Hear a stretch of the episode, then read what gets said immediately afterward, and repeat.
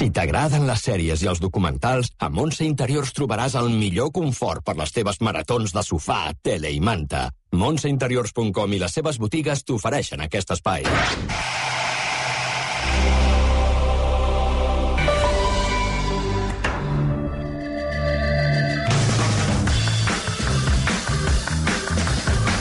Són les 6 de la tarda, 9 minuts. Eh, M'alegra molt saludar a aquesta hora a Mònica Planes. Mònica, bona tarda. Bona tarda. Hi ha seccions, ara et diré una cosa, hi ha seccions que les espero amb ganes, amb candeletes, i des de diumenge que ja tenia ganes que arribés aquest moment. Ai, Caram.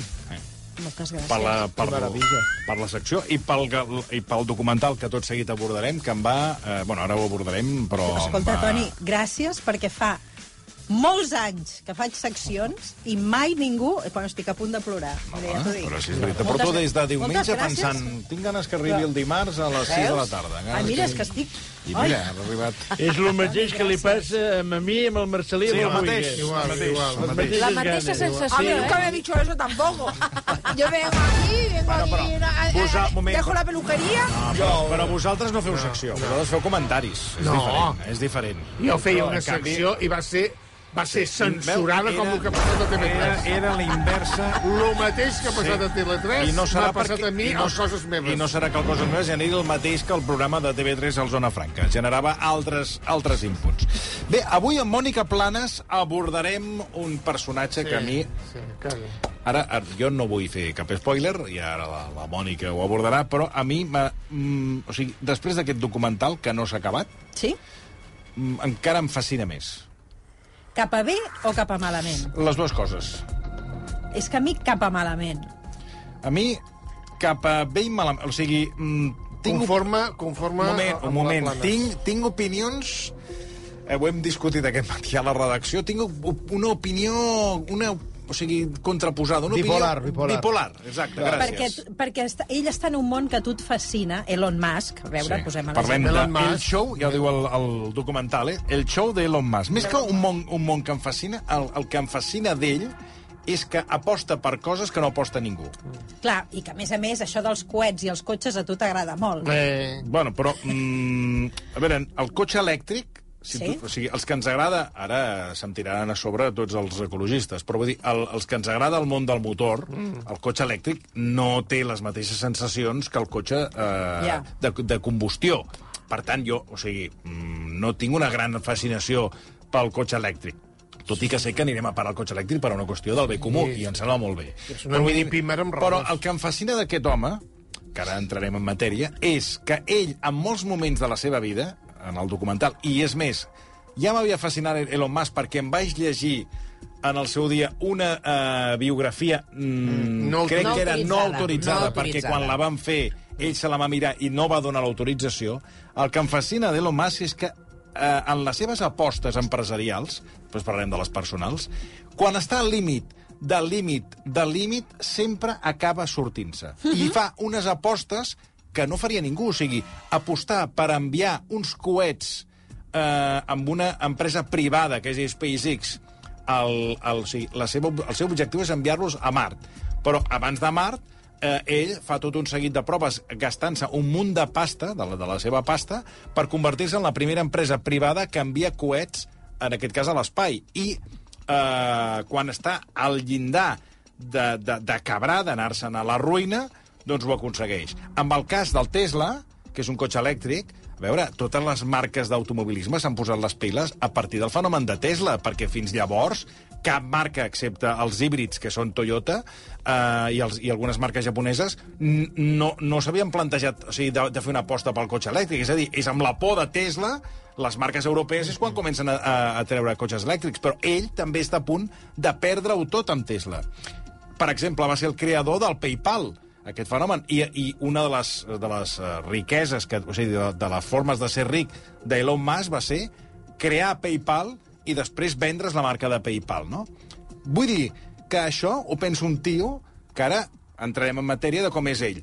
Però a mi, a mi aquest personatge el trobo un geni. Aquesta part de- de coses... visionari. Home, sí, per mi sí. O sigui, les apostes que fa són coses que no les ha pensat ningú.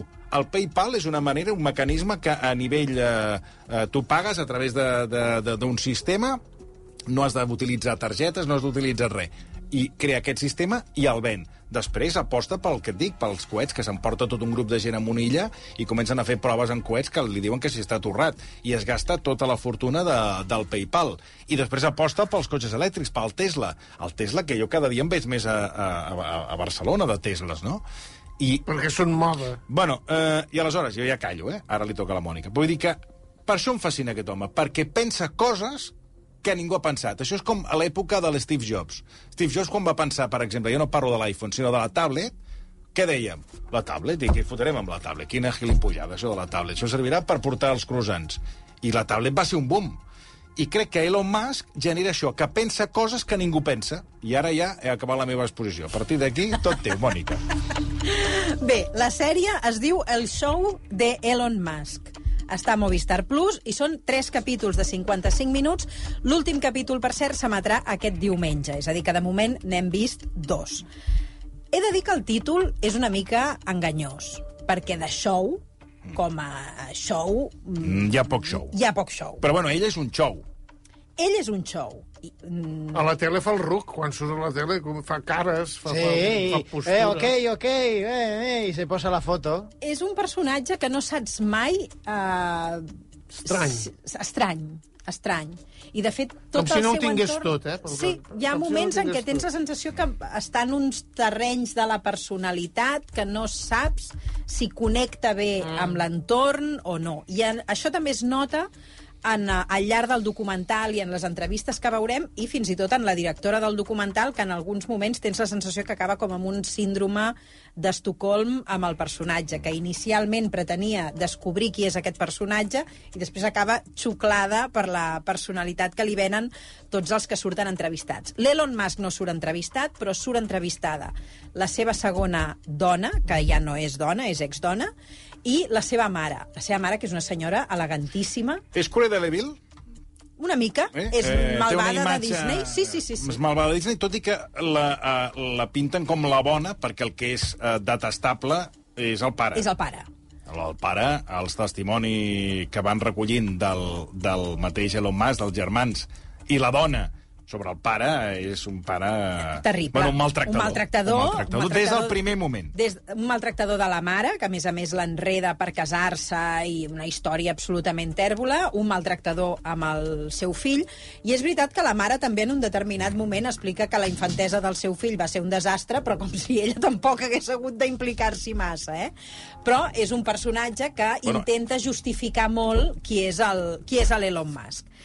En el primer eh, capítol ens queda clar, sobretot, qui és aquest Elon Musk, el seu estil, sobretot en l'àmbit professional. I jo crec que no és casualitat començar per aquí, perquè la seva manera de treballar és la que després justificarà tots els àmbits de la seva personalitat. Escoltem. Era muy bueno, aunque estaba aprendiendo sobre la marcha. Y lo único que noté fue que si alguien era pesimista, no estaba en la siguiente reunión. Dijo, una empresa son como un montón de vectores. Cada persona es un vector y debe apuntar en la dirección adecuada. La burocracia, la política de oficina y la moral baja son vectores casi aleatorios. Siempre intentaba hacer que todos los empleados apuntaran en la dirección correcta, hacia adelante, que avanzaran. Això, ahir el Clapés Liga fa una dèria amb els vectores del programa. Sí, sí. Ahir, de 3 a 4, si t'escoltes el programa, vaig fer referència a aquest fragment. I mira, mm, encara m'agrada més perquè és el primer document que poses. Ens hem connectat. Home, Home, estem mirant el documental i jo ja penso Home. què li interessarà al Toni. oh, no, no, és que connexió, torna-la a posar, perquè és que, Que per mi no, és... no, no. I els hi vaig dir, eh? Perquè ahir Perquè cadascú va anava a la seva... Jo ja estaria acomiadada amb l'Elon Musk. Estava...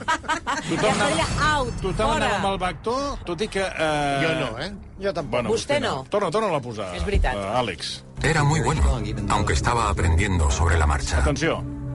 Y lo único que noté fue que si alguien era pesimista, no estaba en la siguiente reunión. Dijo, una empresa son como un montón de vectores. Cada persona es un vector y debe apuntar en la dirección Aquí, adecuada. aquí. La burocracia, la política de oficina y la moral baja son vectores casi aleatorios. Siempre intentaba hacer que todos los empleados apuntaran en la dirección correcta, hacia adelante, que avanzaran. Però ell parla Bé. de pessimisme i moral baixa, eh?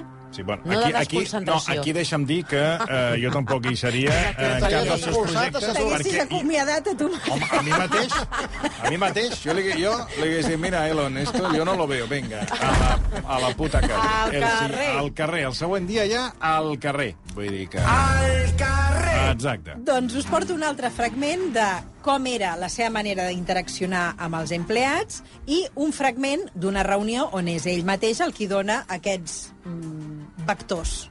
Me llamaba a las dos y media de la madrugada. Siempre estoy disponible. Si me llamáis a las 3 de la madrugada de un domingo, no me importa. Mi vida familiar no fue lo más destacado de mis años en Tesla. Los días eran muy largos. Hasta que Zach y Doreen no han encontrado los fallos, no nos hemos dado cuenta de que teníamos piezas deficientes en los coches, lo que francamente me ha molestado. Las cosas bien claras. Había mucha presión, porque ¿cómo le dices al hombre más trabajador del mundo que no, que no puedes hacerlo? Si alguien siempre está en primera línea y siempre es la causa principal de los problemas, no estará en la empresa mucho tiempo. No es compatible ser negativo y ser parte de esta empresa.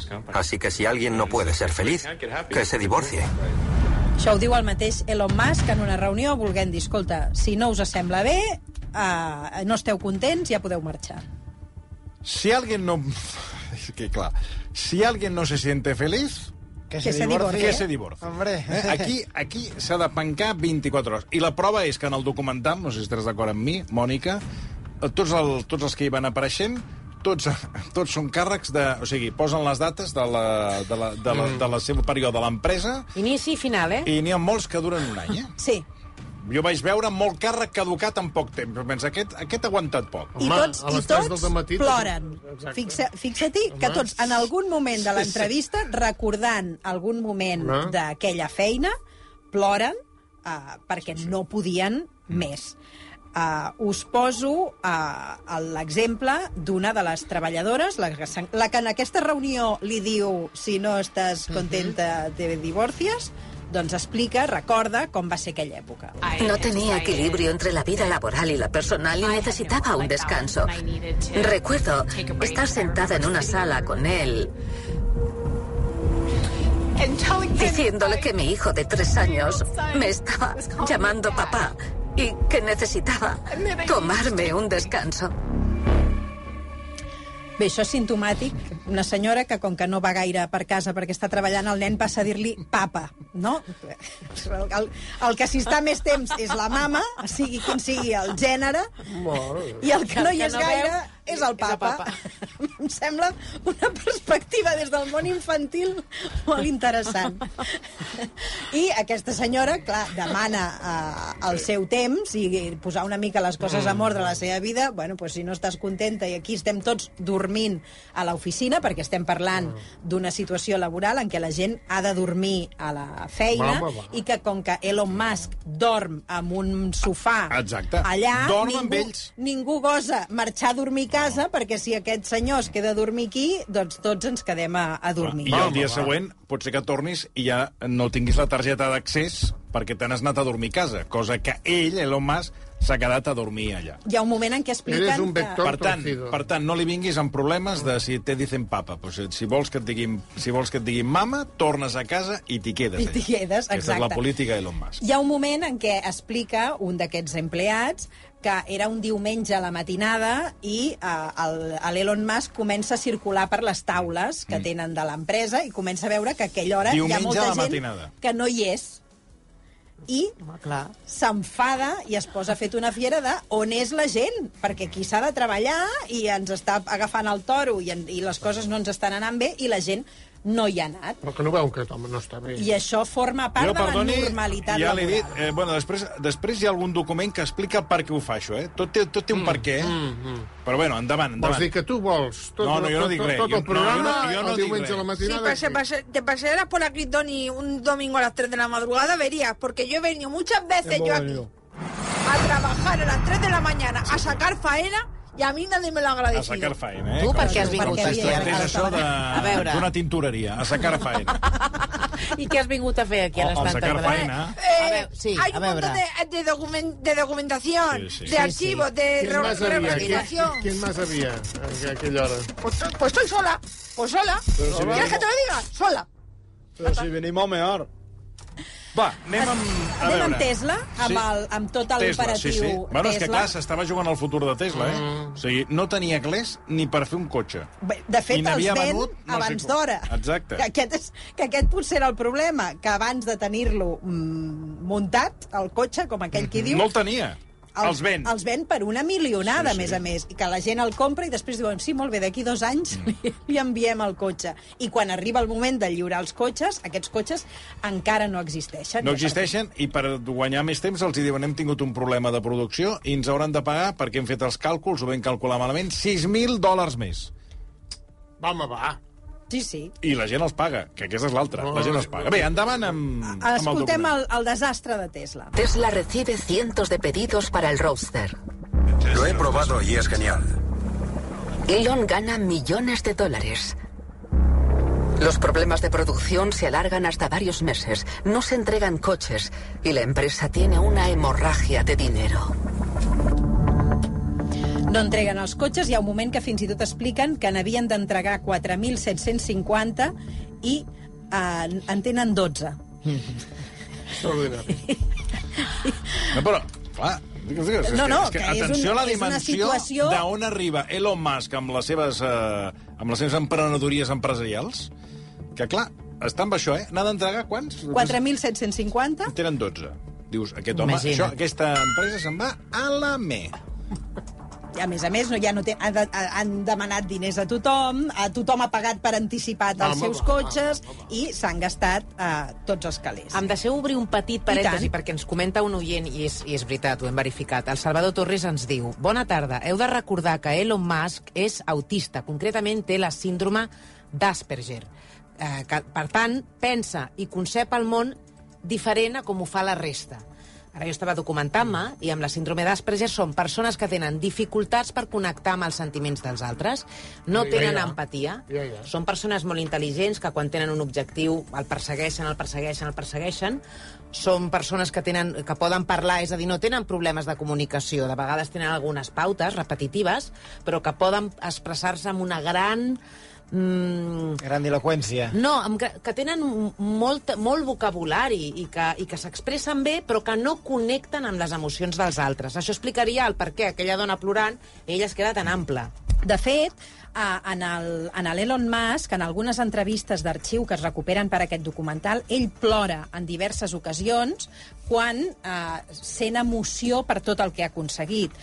Però en cap moment del documental, ni per part de la seva mare ni per part de la seva dona, es comenta que ell tingui eh, aquesta... Doncs aquest... ell ho va reconèixer en una xerrada TED, el 2021. Va Sí, sí. fer una... Sabeu En el documental, com no curtes? sortia en el tercer En el documental, tercer capítol... Potser surt al tercer de capítol. moment no surt. No, no surt. És veritat que ell té una, man una manera estranya de, de, de connectar amb els sentiments. Per exemple, la seva exdona explica que un cop van anar al cine a veure una comèdia i que era una comèdia que estava bé i que l'Elon Musk es tronxava tant de riure que va acabar cargolat de riure Per al terra del del cinema. cine i tothom dient, bueno, però això tampoc n'hi ha per tant, no? És a dir, que és veritat que té una manera de, de connectar amb les emocions potser uh, diferent. Però en cap moment en el, en el documental sí que la mare parla de que és una persona especial, Mhm. que té una manera mm, de, de, de sentir les coses diferent, uh, que, que de petita es llegia tots els llibres de ciència-ficció i que ella veu com les temàtiques d'aquells llibres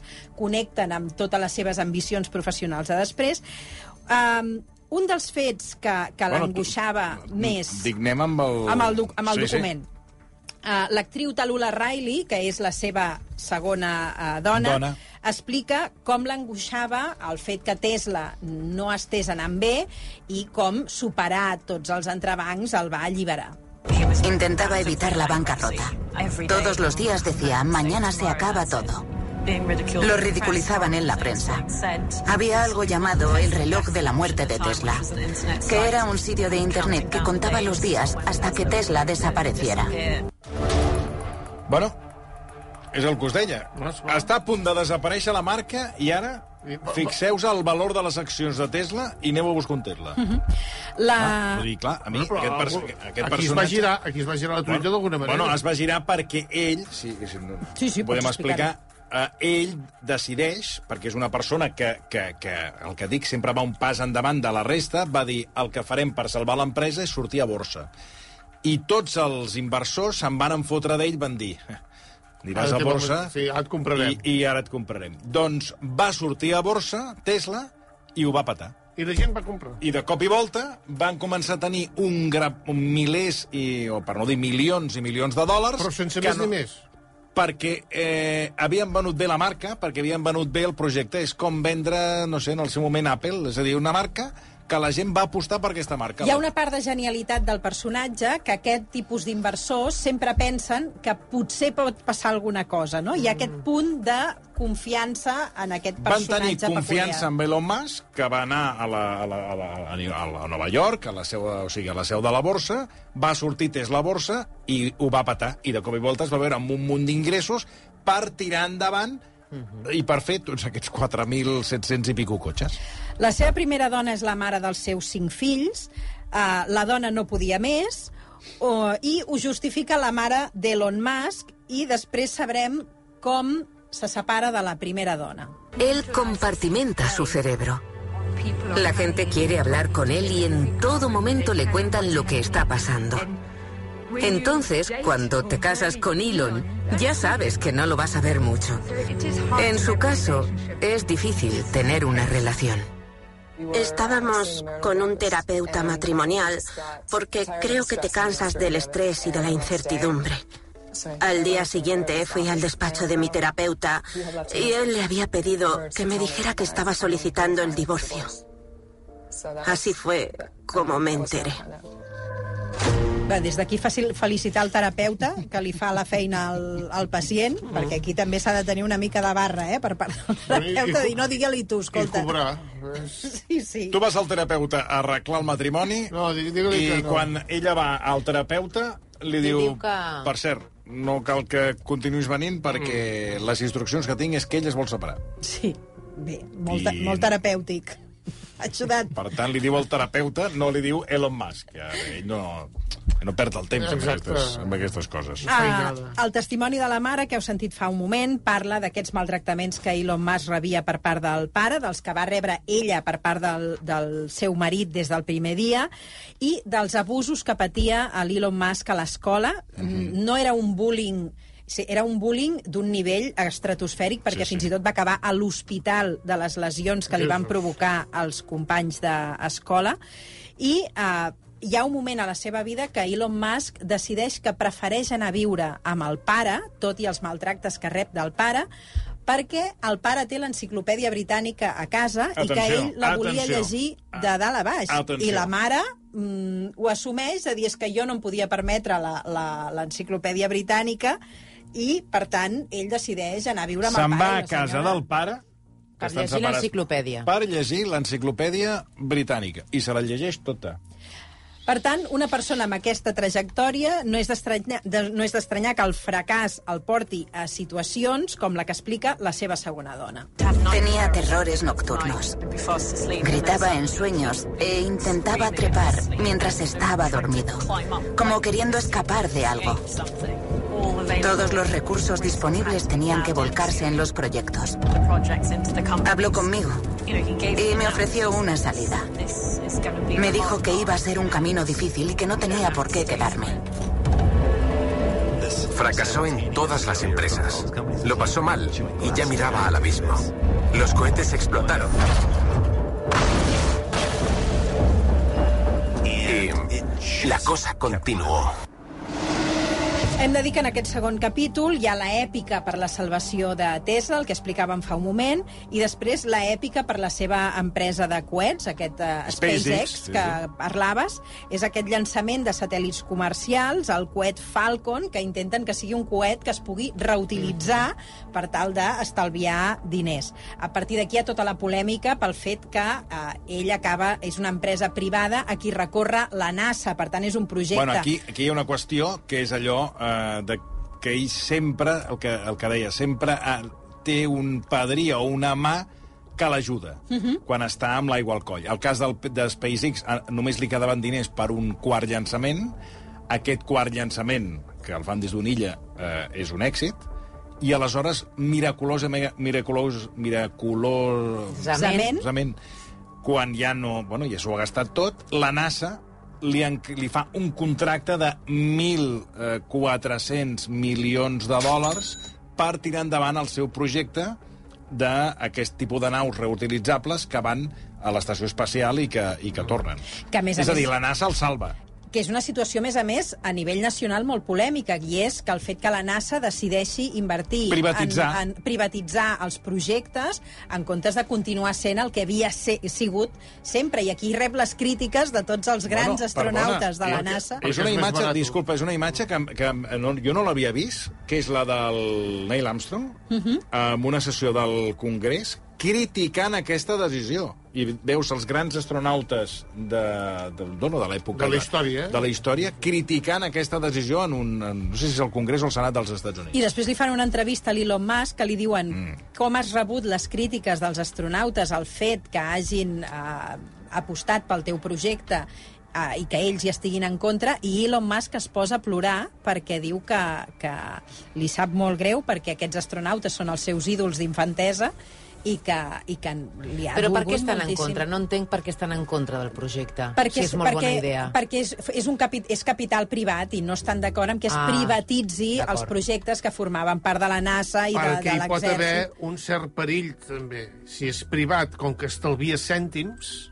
potser no són tan segures Ells, els ells consideren que aquest tipus de projectes han de ser públic bàsicament per la inversió que requereix i que, el, o sigui, el, el, el que, la despesa que fa Elon Musk en els seus projectes, Mm. clar, mm, és molt més econòmic Quatre, quatre que no... Bueno, Claro. quatre xavos, però de moment el Sí, projecte bueno, tira endavant. sí, bueno, clar, fins al dia que peti. Sempre, clar. En el, en el documental és molt interessant com ens van ensenyant les imatges de cadascuna de les operacions o les missions que tenen i com les vas, com les vas veient fallar, no? Una darrere l'altra, cada vegada que et penses que aquesta funcionarà i no falla, i a més a més d'això sempre hi ha imatges. I per tant, és el drama que t'explicaran després de cada operació fallida, com els empleats expliquen com reacciona Elon Musk a aquest nou fracàs. I aquí hi ha una situació de tensions on cada vegada tots es veuen al carrer, on cada vegada tots han d'intentar recu recuperar els ànims, recuperar els diners i tornar a començar amb operacions que, clar, cada vegada és bastant còmic com fallen els coets, no? Com els hi peten cada vegada que l'operació no surt, és allò que cau de costat, els hi explota tot, s'aixafen al I, te, terra... I tens a l'Elon Musk al teu costat, eh? com tu estàs ara, Cailà, en el llançament. Eh? I està allà Ai, mirant, ai, ai, i de cop i volta és com si tingués aquí, però no sé, el Jaume, el Jaume Paral fent el programa o, no sé, el, el, Perquè el, petado. el, l'editor del grup Godó, aquí al costat. Perquè Imagina't petado. cada cosa que dius... Ah. Bueno, és que la capeta, clar, el tio s'aixeca i ja comença amunt i avall, amunt i avall, a saber, a Sí, sí. preguntar-se què, què ha passat. I a, a més a més amb una situació que és una mica un engany, perquè Sí, sí, sí. els 30 primers segons tens la sensació Sí. que ha Que va anat tot bé, bé, que va bé.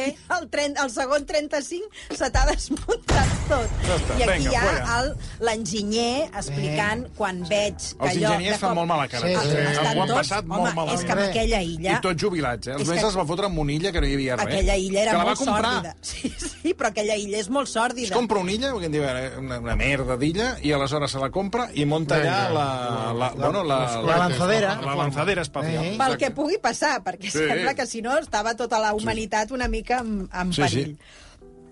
Seguim. Uh, en, el, en el documental hi ha la possibilitat de, de recrear-se en aquesta persistència d'Elon Musk. No? El que passa que sempre és a costa d'abusar dels seus treballadors. I aquí és on a mi em crea aquesta part mm, que més enllà de la genialitat mm. -hmm. del personatge, hi ha la capacitat d'aprofitar-te dels empleats. I aquí crec que no tot és genialitat, sinó tenir el valor de portar tanta gent a un límit. No tenía efectivo ni siquiera para aguantar hasta el final del 2008. Y el mayor inversor dijo que no iba a meter ni un céntimo más. Elon hizo algo que nunca había visto hacer, endeudarse. Pidió dinero prestado. Se gastó cada céntimo que tenía. Y le dijo a toda la gente de Tesla, yo lo solucionaré. Voy a invertir 40 millones de dólares. No tenía casa a su nombre, no tenía nada. Y el miedo de la gente se convirtió en codicia. Todos los demás invertimos tanto como pudimos. Pero no fue por valentía nuestra, fue la de Elon la que nos atrapó. Tots els que en el documental han carregat contra Elon Musk i contra els seus mètodes acaben en alguns dels epis en el segon episodi lluant el que ha acabat fent uh, Elon Musk i fins i tot valorant el que els hi va fer passar, de dir, m'ho vaig passar Fatal. fatal però és cert que al final la missió surt i, per tant, considero que ha valgut la pena. I aquí és on tinc la sensació que el, el documental perd una mica la distància del personatge i acaba convertint-se en una mica una èpica del, del Mm. senyor raro que, mm, ja ho veureu, escoltem una de les eh, eh, exempleades que li fot bastanta canya al llarg de tot el documental i acaba dient això. Elon nunca está satisfecho, pero eso es lo que le hace ser quien es.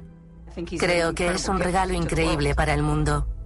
Podría decirse que el mejor líder sobre la faz del planeta. Me quedo con lo malo y con lo bueno porque si solo sigues la receta es posible que elimines la magia. Su cerebro es de lo más eficiente. Hubo momentos en los que podía pensar que no estaba de acuerdo, pero él lo pensó de una manera diferente. Si me pedía que saltase, yo le preguntaba desde qué altura. Aquesta, té allò de la síndrome de Copenhague. Una fe cega, eh, amb aquest Una fe senyor. cega, tot i que li ha qüestionat durant molta estona el, els seus mètodes, acaba eh, considerant que si ell li diu que salti, ella es llença. Anem amb alguns documents més, eh, per acabar de, de coses que m'han cridat l'atenció. De- Repeteixo, ens falta un últim documental de... Estàs entusiasmat, és que és bueno, una és que, cosa- bueno, és que, perdona, jo, jo segueixo dient que aquest tio, o sigui, aquest, se- aquest senyor té eh, molts hàndicaps, però és un geni. Un tio que és fora de sèrie, per mi és un fora de sèrie. vull Bueno, dir, però maltracta les persones. no, bueno, i escolti, a veure, si, eh, que no escolta vostè els il·lustres execables al cap de setmana, eh, tots aquests genis, Einstein, o sigui, comencem a repassar els genis, no en salva ni un. No. Què vols que et digui? Per això li dic que, o sigui, eh, quants d'aquests genis han maltractat pues, a persones, a la seva dona, vull dir, mm, però és un geni o no és un geni? És que aleshores entrem en aquell debat de, de la persona i el geni. Bé, eh, per exemple, Elon Musk, eh, els líders, segons ell, ara que parlàvem de la fàbrica, eh, que diu la Mònica que dorm a la fàbrica, sí, sí, efectivament, el líder, eh, i ell se'l veu allà eh, amb una taula com qualsevol. Això sí, ni un paper, t'hi vas fixar o no? A la taula, ni un paper, ordinador i punto, ha d'estar a la fàbrica, no, no es fora. importante que un líder esté en primera línea. Mi mayor desafío es aumentar la producción. ¿Cómo lo hago? Estando en la fábrica, entendiendo dónde están los problemas. Es lo contrario a estar en una torre de marfil. Así que quiero estar en el fragor de la batalla. Y, y eso significa estar pegado todos los días ante mi escritorio. Es un hecho. Ho diu ja per tots aquests directius que van, van cobrant... Eh, Ah, sí? Bueno, va, eh, com es diu? Eh, primes, no? Mm. I que estan amb aquestes cúpules directives Mm. que no baixen mai Que a no les, saben, a les sí. Ell allà a la fàbrica. Parla del fracàs, que ja hem comentat amb la Mònica Planes, que tant amb SpaceX com amb Tesla està a punt al llindar de fracassar, tot i que sempre hi ha una mà que jo crec, pensant malament, que hi ha una línia, potser un segment republicà que, que li dona suport, perquè si no, no entenc que sempre que està al llindar d'arribar al fracàs, sempre el salven. Eh, ell diu que el fracàs eh, és dolent, però si, si hi creus, s'ha d'intentar. Creo que el fracaso es malo. No creo que sea bueno. Pero si algo es lo suficientemente importante, entonces lo haces, aunque el riesgo de fracaso sea alto. Mi consejo es que si alguien quiere crear una empresa, debe tener en cuenta que el resultado más probable es que no vaya a funcionar, por lo que solo debe hacerlo si siente que va a estar ahí, que sienta la obligación de estar. La qüestió, molt important per ell, està. I anem amb el que jo crec que hem de fer aquí al versió, A veure. que a vegades trobo que falta, falta, Sí, falta som- algun detall. Stalin? I eh, ara, escolta... A veure. El, el que per ell és, eh, en fi, filosofia empresarial. Trabaja duro cada hora que estés despierto. Si alguien de la competencia trabaja 50 horas y tú trabajas 100, al cabo de un año habrás hecho el doble que la otra empresa. Bueno, doncs, eh, per exemple, si la Elisenda Carol treballa, què et diré jo, 50, doncs heu de posar Nosaltres hem 70... de treballar 100. 70. Home, clar, Però perdona un si no... segon. Hi ha Ho un- heu sentit o no? Sí, però, Sí, señor, però has sentit, señor, sí, señor. però has sentit que ha dit cuando estés despierto per tant, jo me'n vaig a dormir i ja, ja m'ho explicareu demà. Home, I, Cuando per- estés despierto. I per acabar una cosa que m'ha cridat molt l'atenció, que diu que quan una cosa, que això és una dita, molt, una dita xinesa, quan una cosa costa, que dius això no, no, això no, això no lliga, si això no tira, Mao Zedong, atura't. Una empresa es un grupo de personas que se unen para crear un producto o servicio.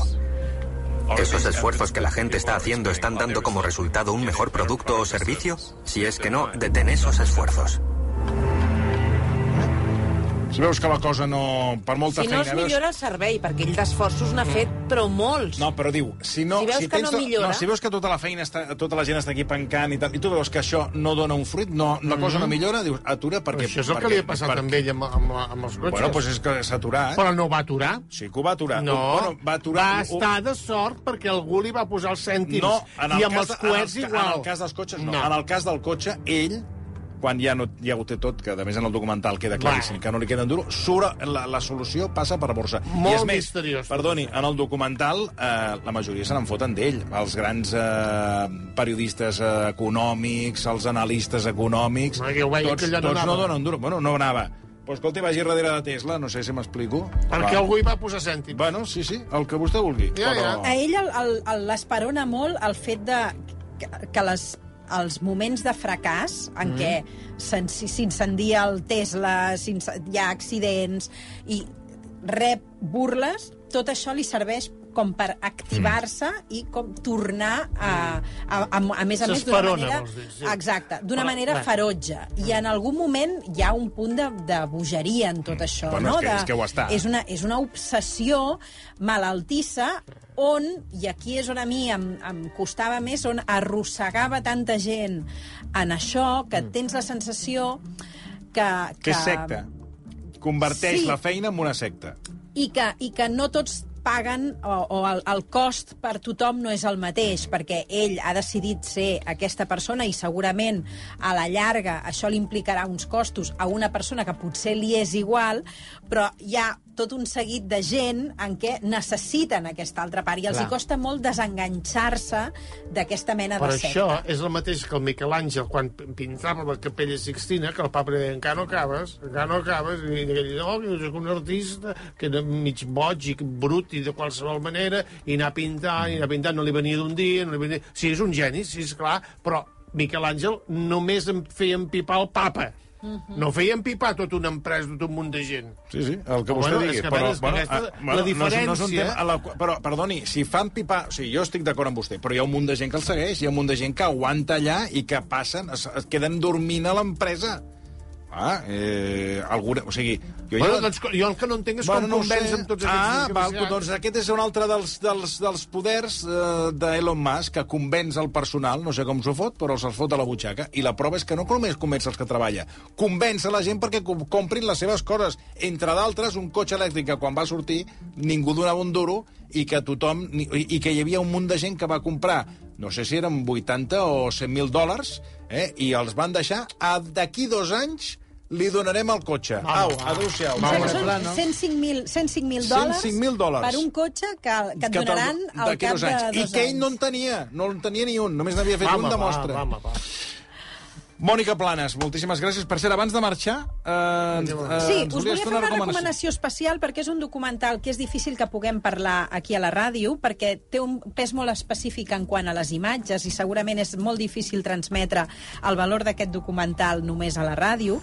És un documental que està nominat als Oscars en la categoria de millor documental que es diu Fire of Love i el trobareu a Disney Plus Mm. durant 93 minuts i és un uh, documental sobre un matrimoni de vulcanòlegs que decideixen investigar al llarg dels anys 70 i 80 els principals volcans de tot el món quan estan en erupció d'una manera absolutament arriscada i és anant al lloc anant al cràter pràcticament del volcà per mirar d'entendre'ls. I tenen tot un arxiu de fotografies i d'imatges i és la història d'aquest matrimoni que junts investigaven els volcans.